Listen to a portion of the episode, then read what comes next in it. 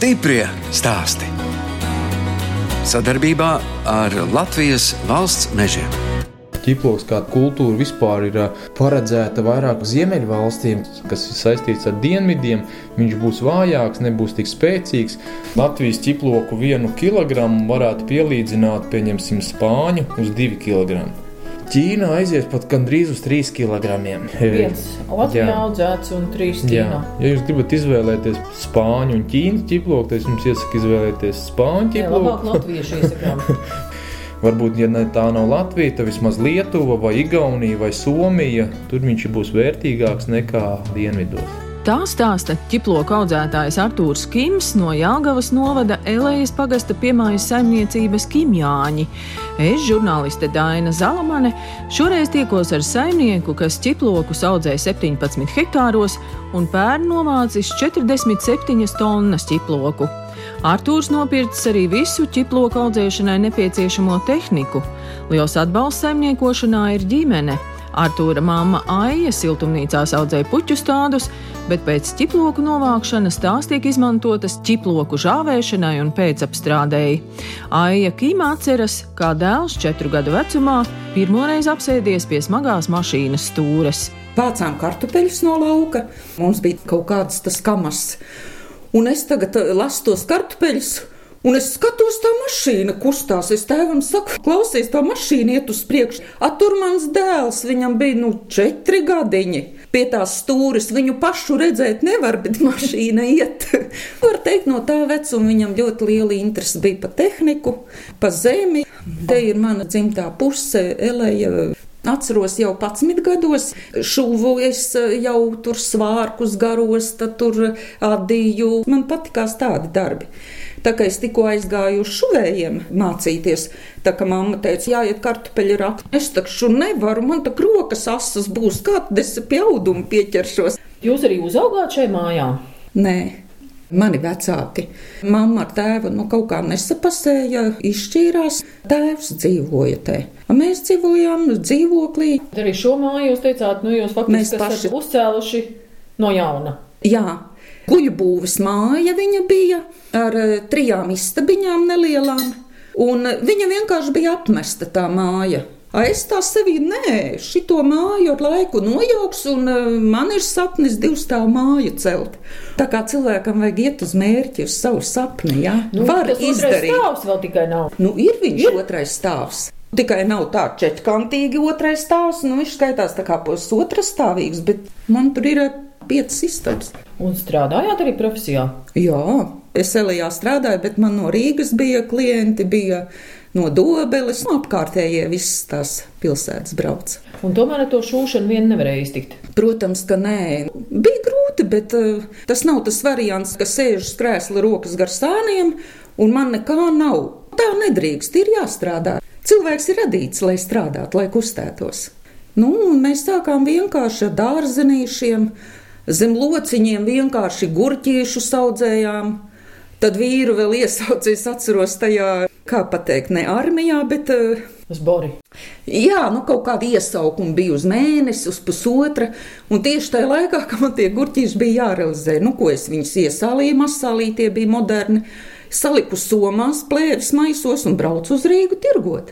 Un tā mēs to kapeiku pie kapeikas, un katru gadu mēs kaut kā iekrājām, un jau mums parādījās gurķu siltumnīcas, tomātu siltumnīcas bija, un tā mēs aizgājām tā plašumā vairāk. Artūrs stāstiet, un kāda bija jūsu bērnība? Jūs tad jau uzaugāt šeit. Vai vēl ritēti tie būvniecības darbi?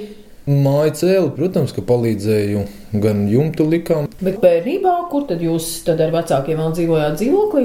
Jā, mēs dzīvojām dzīvoklī. Sākumā divu stabu, pēc tam pārvācās uz, Apmainījāmies uz trīs istabu. uz trīs stabu, un kad jau siltumnīcas bija 6-7 km attālumā. Un tas ir mopēds braukājis siltumnīcām, tad man vajadzēja lasīt tomātus un ravēt. Un... Es atceros, ka es nostrādāju vasaru, tad mums māte ar tēvu iedeva, gan manu māsai iedeva naudu, tad mēs par to naudu nopirkām sākumā visu skolai, kas vajadzīgs, visas burtnīcas, visu, un, un tad pa pārpalikumu, tad rēbis un viss tādas lietas. Sākumā Kīmu ģimene audzēja tomātus un gurķus.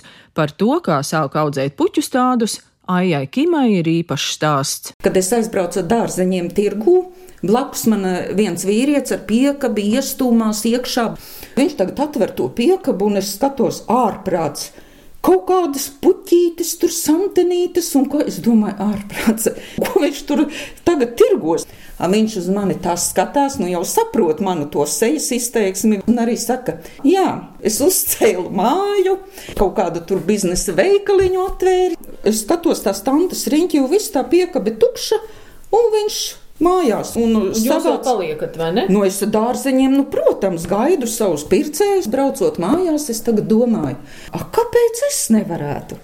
Un tajā laikā jau nebija tādas petūnijas. Tās sēkliņas veikalā es tur nopirku. Mēs audzējām stādus, gurķus, tomātus, stādus un visu. Vairāk nekas mums tāds īpašs nebija. Nu, un ar tām puķēm sāk mans vīrs, ak, Dievs, nu, ko tu tagad izdomāji? Mētā man pa to siltumnīcu tās kastītes vienā stūrī, otrā stūrī.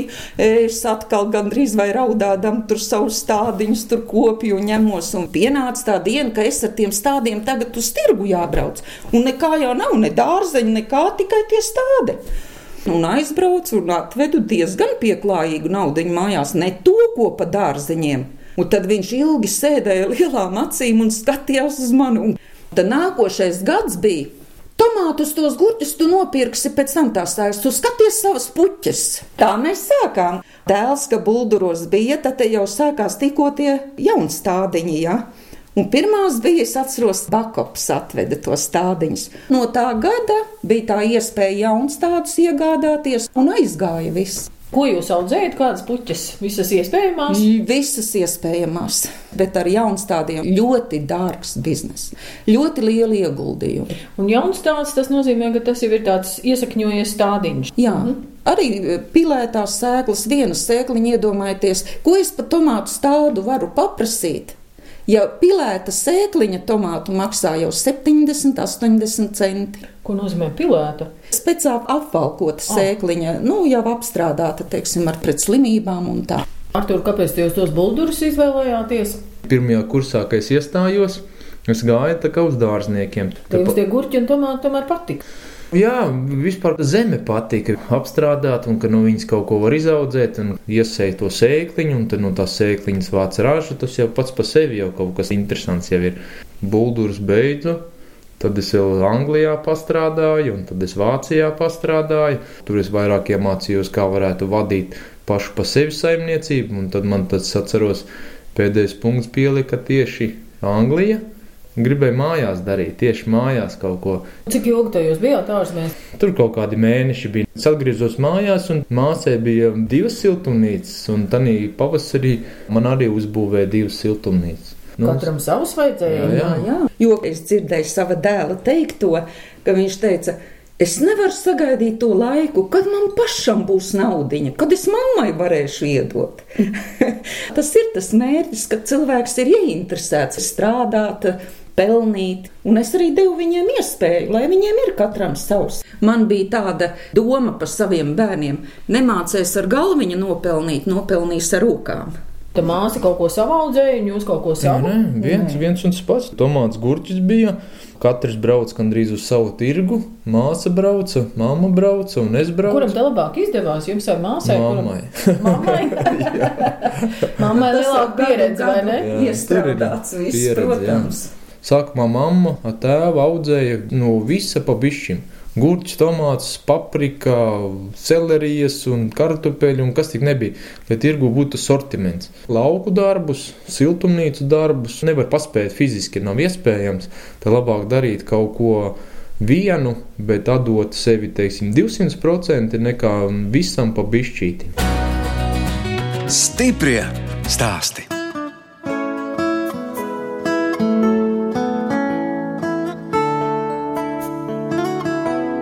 Jūs klausāties raidījumu stipri stāstī. Turpinu ciemoties Jālgavas novada Elējas pagasta piemājas saimniecībā Kimjāņi, kur Kimu ģimene 17 hektāros audzēja ķiplokus.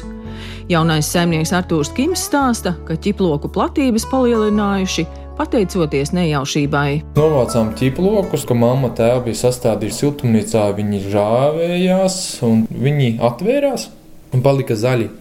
Tādu ģiploku vairs nevarēja pārdot jau rudenī, bet stādīt viņus varēja. Un tad beigās, ko mēs darīsim, iestādījām visu zemē. Un tad nākošais gads bija tāds gads, kad ģiploki bija ļoti maz Latvijā, un mēs viņus pārdevām par ļoti labu cenu un izauga, ka mums ir ļoti daudz. Sākumā jau visu darījām ar rokām. Stādījām ar rokām, vācām ar rokām, un mēs pat stādījām ķiplokus līdz pat divi hektāri ar rokām visu un vācām. Bet tad sāka domāt, nu, vai kaut kādu stādītāju paštaisīt, un tad cilvēki sēdēja un vienkārši, ka viņiem vajadzēja likt kauciņiem, viņiem tas bija ļoti liels atvieglojums. Un tā kā nopirkām pirmo lietoto kombainu, tad sapratām, ka mēs varam stādīt pat kādus 5 hektārus, jo tas ir ļoti vienkārši novākt. Tie gadi bija labi, jo, teiksim, dotajā momentā, ja man vajadzētu tagad sākt no nulles visu darīt, liels jautājums, vai es to darītu. Ja tu tur ritinies iekšā, nu tā kā tu ej uz priekšu, viss ir kārtībā, bet ja man tagad būtu jāsāk no sākuma, diez vai to darīt. Dienā, kad ciemojos Elējas pagastā pie Kīmu ģimenes, 40 metrus garajā siltumnīcā Aija Kīma un Artūra sieva Dagnija podiņos liek kūdru, lai tur stādītu puķes. Artūrs Kims stāsta, ka trīs siltumnīcām ir kopēja katlu māja. Šis katls, kad viņam vajag temperatūru, viņš taisa automātiski vaļā gaisa padevi, un kad jau siltumnīca viss ir uzsils, tad viņš automātiski taisa ciet. Droši vien daudz domājat par to, lai būtu ērtāk, vienkāršāk. Tas iespējas atvieglot savu dzīvi. Tas pats katls it kā viņš ir finansiāli ļoti dārgs, bet kādos piecos gados mēs gan uz kurināmo ietaupīsim, gan arī vieglāk pašiem. Agrāk mēs kurinājām šitādā siltumnīcā stāvēja divas krāsnes. Katru vajadzēja kurināt, tik pa divām stundām vajadzēja malku mest. Tad šobrīd kurās viens katls, kas kurina visas siltumnīcas. Es parādīšu tālāk. Mm -hmm. Šis ir tas akumulators, kas uzkrāja lieko enerģiju. Teiksim, katls kurās siltumnīcā siltumu vairs nevajag, tad uzkrājās siltums šitien. Un tad, kad atkal katls jau ir nodzisis, tad šis te baro siltumnīcas jau pats. Ja man vajag 20 grādus, tad es te varu noturēt ar tiem kalorīferiem. Viņi ieslēdzās iekšā, tā, kad ir pieņemsim zem 20. Jā. Jā, viņi slēdzās iekšā ārā un uztur visu laiku konstantu vienu temperatūru.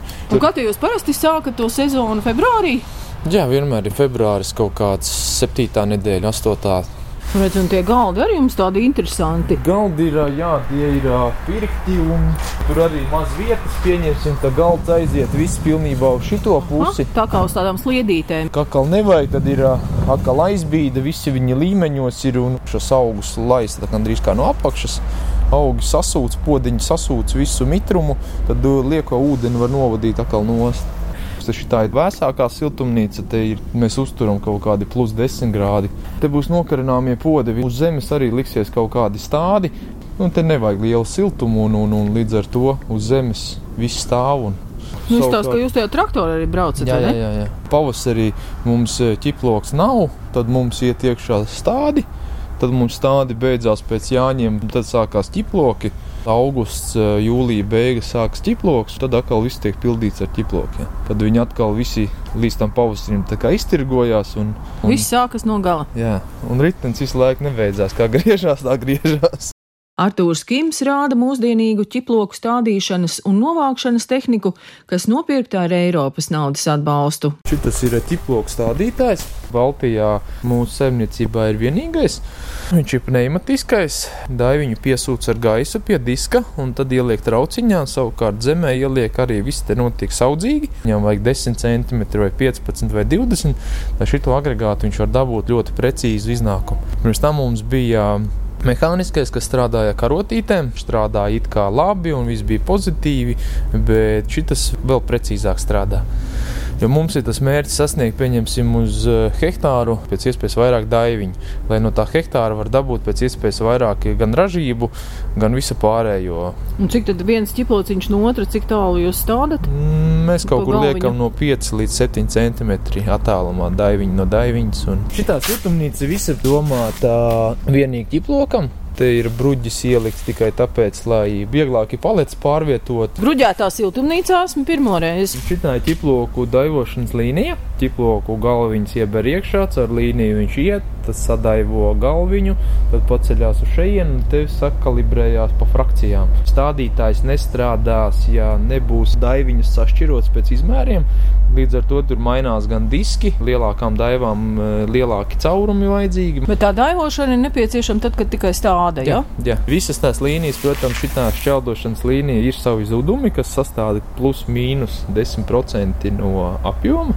Saspiež tos ķiplociņus. Tomēr viņš traumē, līdz ar to mēs vēl joprojām daivojam ar rokām. Ja ir traumēta tā daiva ar aci, principā viņi ir ko var redzēt un ir ko nevar redzēt. Un, ja tādu iestāda pieņemsim zemē, tad viņi var sākt slimot un baktērijas un vispārējais.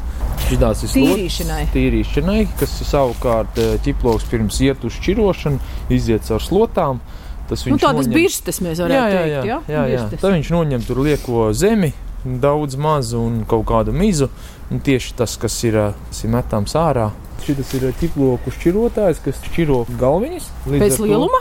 Jā, tur jāpiegādā, pieņemsim, ne mazāku kā 40 mm diametrā. Smukāk izstāsta kastītē, ka visi ir vienādi, nekā kad viens liels, viens maziņš un tā tālāk. Fasēšana arī ir speciāla iekārta.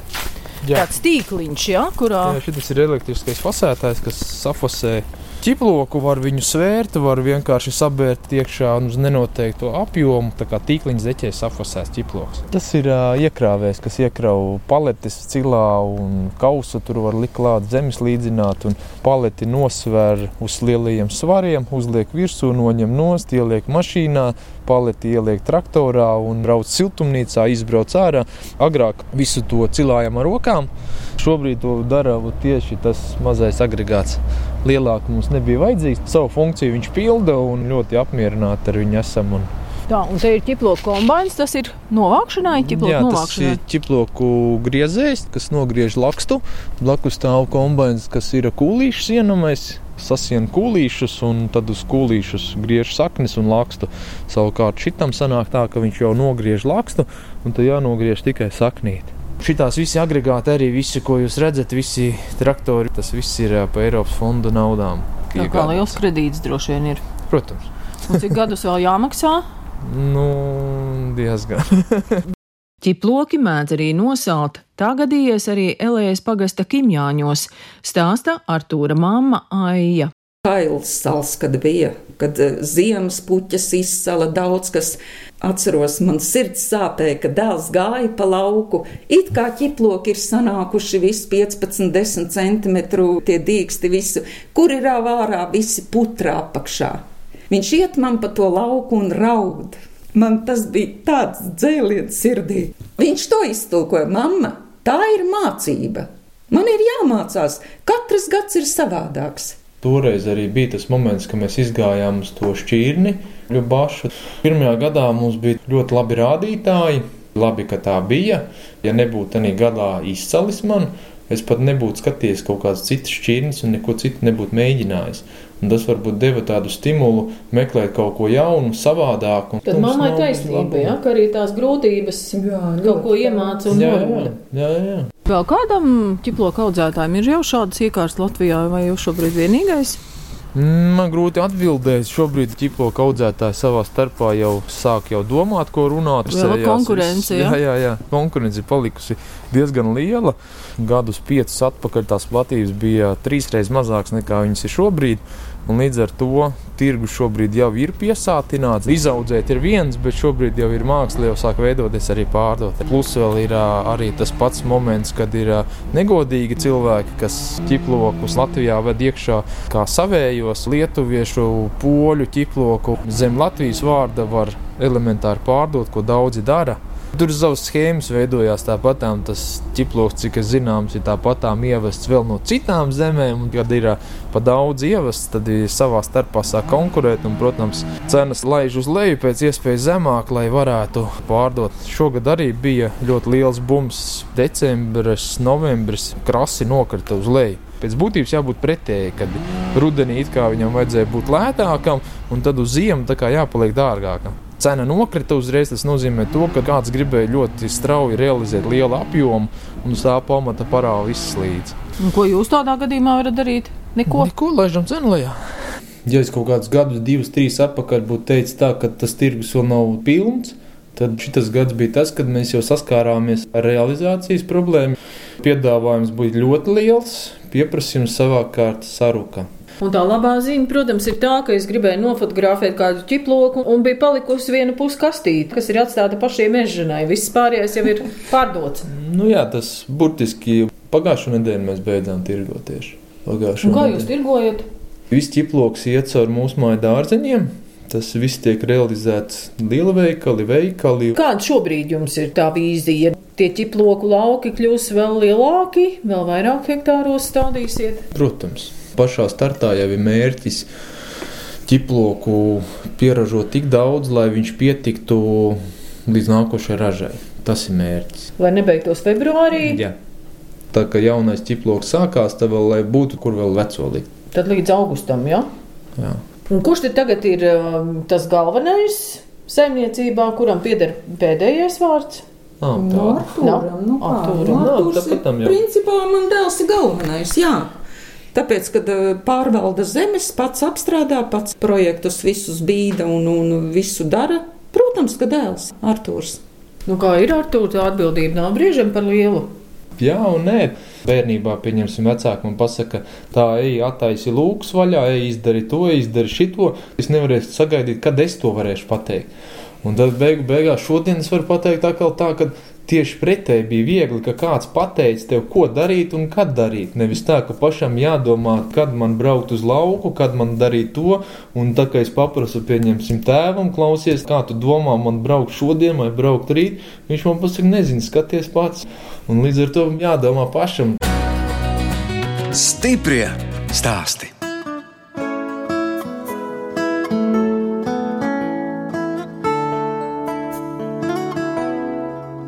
Raidījums stipri stāsti. Šoreiz cīmojos Jālgavas novada Elējas pagasta piemājas saimniecībā Kimjāņi, kur Kimu ģimene 17 hektāros audzēja ķiplokus.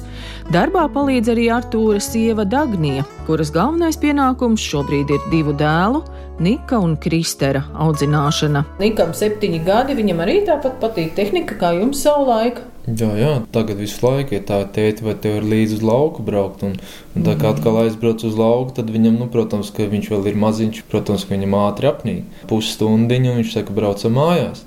Citreiz sarunā, tad mamma atbrauc pakaļ un tad aizved mājās, bet, nu, interesi ir liela, visu grib darīt, un citreiz ir bail pat, protams, ka viņš lien tur, kur nevajag. Nu, jā, bet no cik gadiem jau bija kvadrcikls jau, un gadu no gada lielāks un lielāks kvadrcikls. Ops, Lutina. Ops jau, jā, jā. Jā. Tad viņi kopā iet un dara, un malku skalda, un visu ko tādu. Un vecākais dēls vairāk ar opi tā kā kopā. Nu, plus vēl skola. Arī skolā, kad es pieeju pie tās audzinātājas, viņa arī atzīmē. Pirmo ceturksni viņš pat bija lasīšanā labākais lasītājs, grāmatas izlasījis daudz, un viņš atcerās visu, var pastāstīt, ko viņš ir izlasījis. Kristeram vēl tikai divi gadiņi, tas vēl tāds maziņš. Katrs mēnesis, ejot bērngārzā, viņš ar vien vairāk jau labāk runā un ļoti interesants. Viņš ar mazo kvadrciklu jau brauc.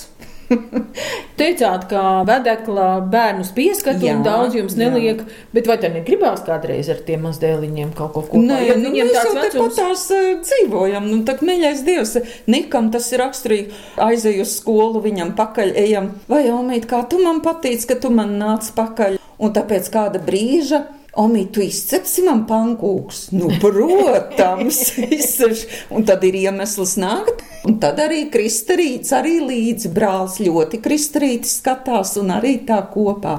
Nu, redz, un jūs tepat dzīvojat bijušajā saimniecības ēkā, kas tagad ir pārbūvēta, ja? Jūsu Jā, jā. Jā, jā, visi te patām kopā.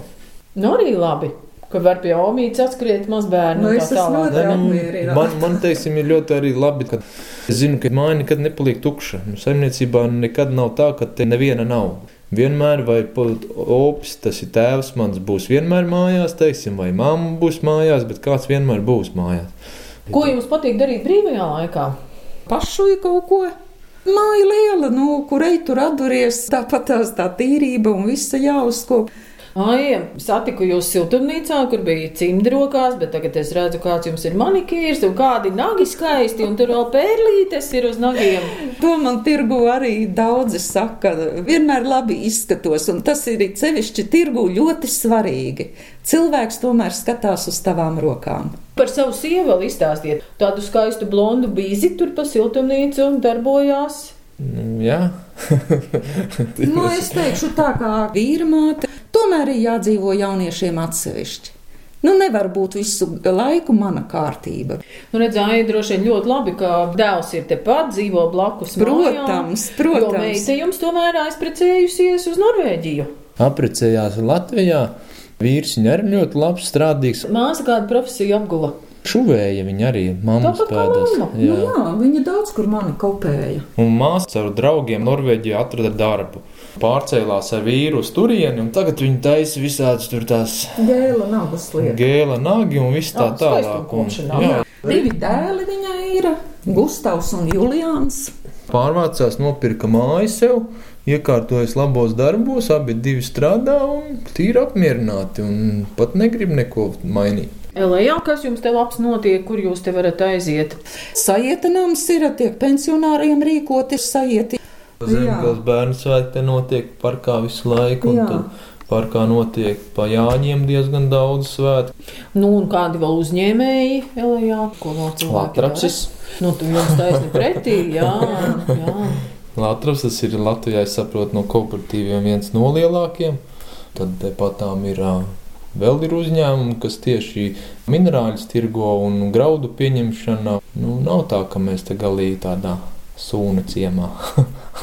Tas pārmaiņas jau tagad ļoti lielas visur, kur ir, teiksim, tās skolas slēgšanas un visas sāpīgi visu to dzirdēt. Elējā taču nav slēgtas. Nē, Elijā mācās gan no Vilces, gan no Sesavas uz šejienes daudz brauc. Vidusskola ir, jā? Jā, jā, jā. jā, jā vidusskola. Tādā ziņā mums Elijā diezgan patīkami, ka mums ir savs vendors, pēc tam ir pamatskola. Katrā ziņā apmierināts, ka Elijā dzīvoja.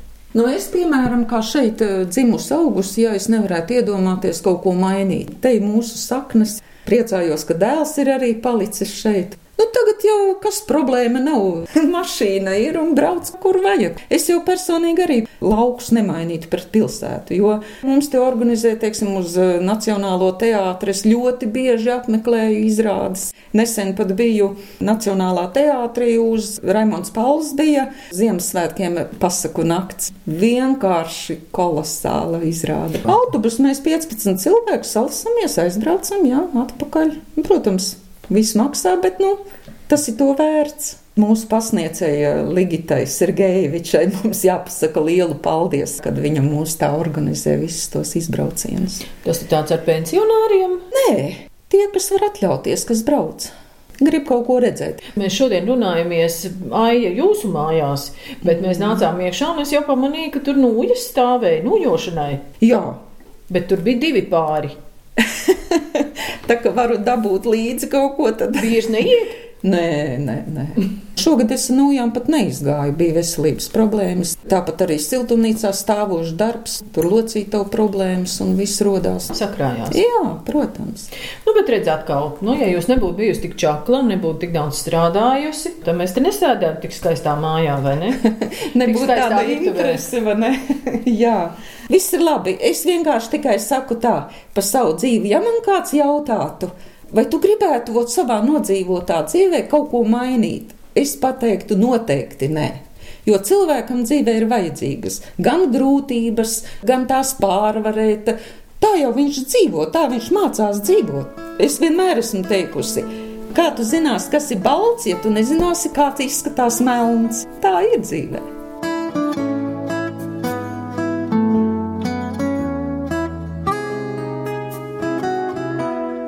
Redījums stipri stāst izskan, un es atvados no Artūra Kima, kas kopā ar ģimeni Jālgavas novada Elējas pagastā 17 hektāros audzēja ķiplokus un trīs siltumnīcās arī puķu stādus. Tik modernā saimniecībā, kur nopirkt arī visa ķiploka audzēšanai nepieciešamā tehnika, biju pirmo reizi.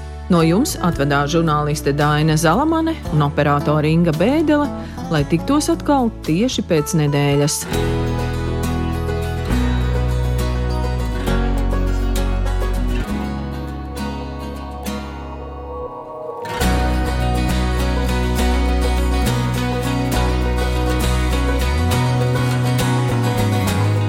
Stiprie stāsti. Sadarbībā ar Latvijas valsts mežiem.